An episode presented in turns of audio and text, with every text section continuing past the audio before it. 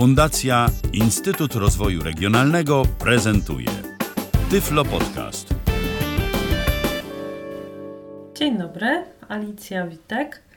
Witam w kolejnym moim Tyflo Podcaście.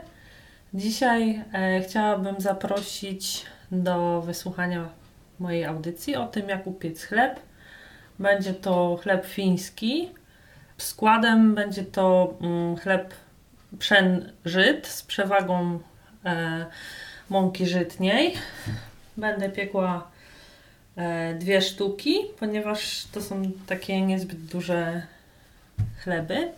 Jego zaletą jest to, że jest soczysty, ale nie gliniasty i że e, przez to, że zawiera w sobie miód, można go e, przechowywać nawet przez kilka dni i się e, nie robi czerstwy, nie staje czerstwy.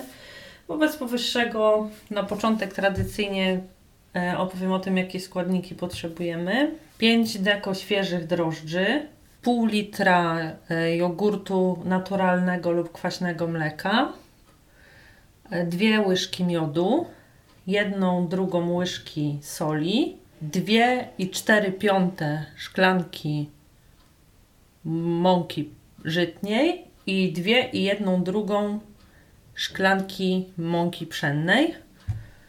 No i jak chleb robimy, zacznę opowiadać.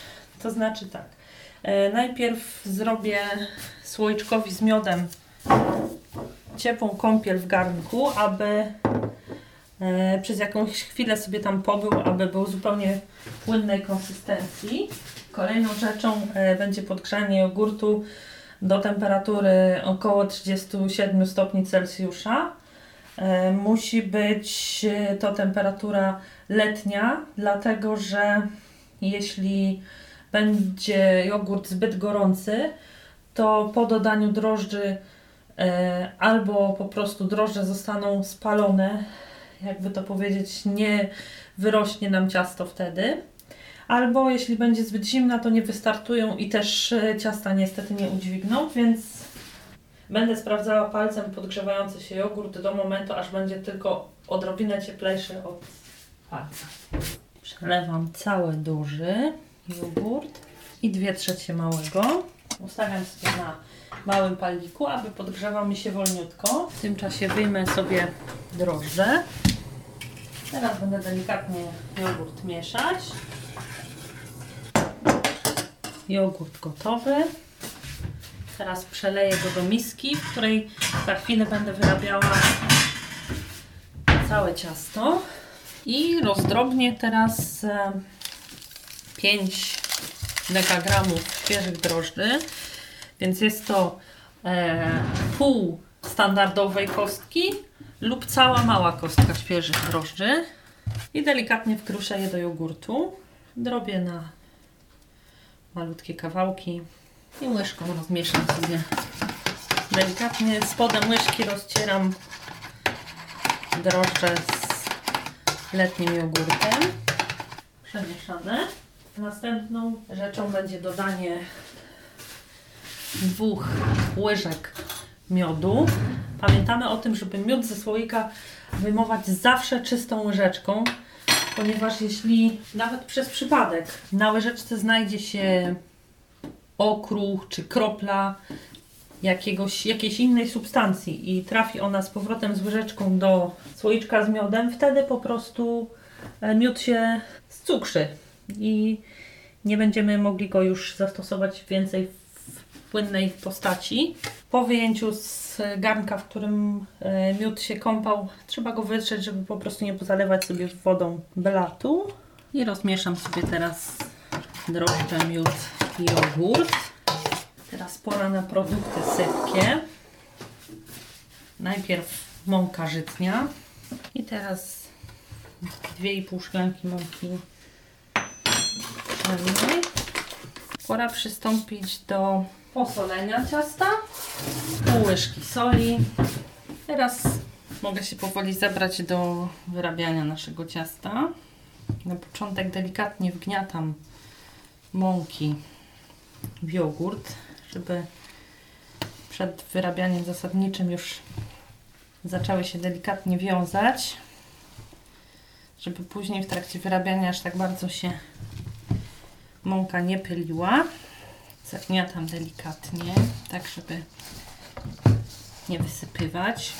Takie ciasto na chleb jest przynajmniej w początkowej części wyrabiania dosyć twarde i trzeba je wyrobić porządnie, żeby wszystkie składniki dokładnie ze sobą wymieszać, żeby z całą mąką dobrze rozprowadzić drożdże,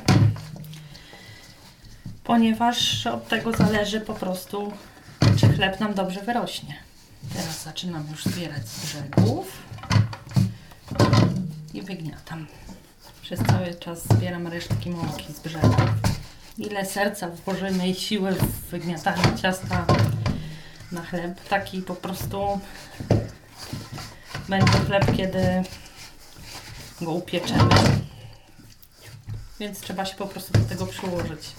Ciasta jest sporo, jest e, dosyć twarde. Nie jest to tak jak z ciastem na przykład e, na pizzę. Jego faktura jest zupełnie inna.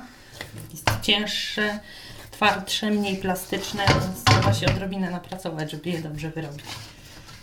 Ale oczywiście zachęcam, bo mało jest rzeczy, które sprawiają taką satysfakcję, jak zapach i smak upieczonego przez siebie świeżego chleba. Zwłaszcza, że nie jest to przesadnie trudne. Po prostu wymaga trochę czasu i trochę wysiłku. Zbieram resztki mąki, pozostałe na obrzeżach miski.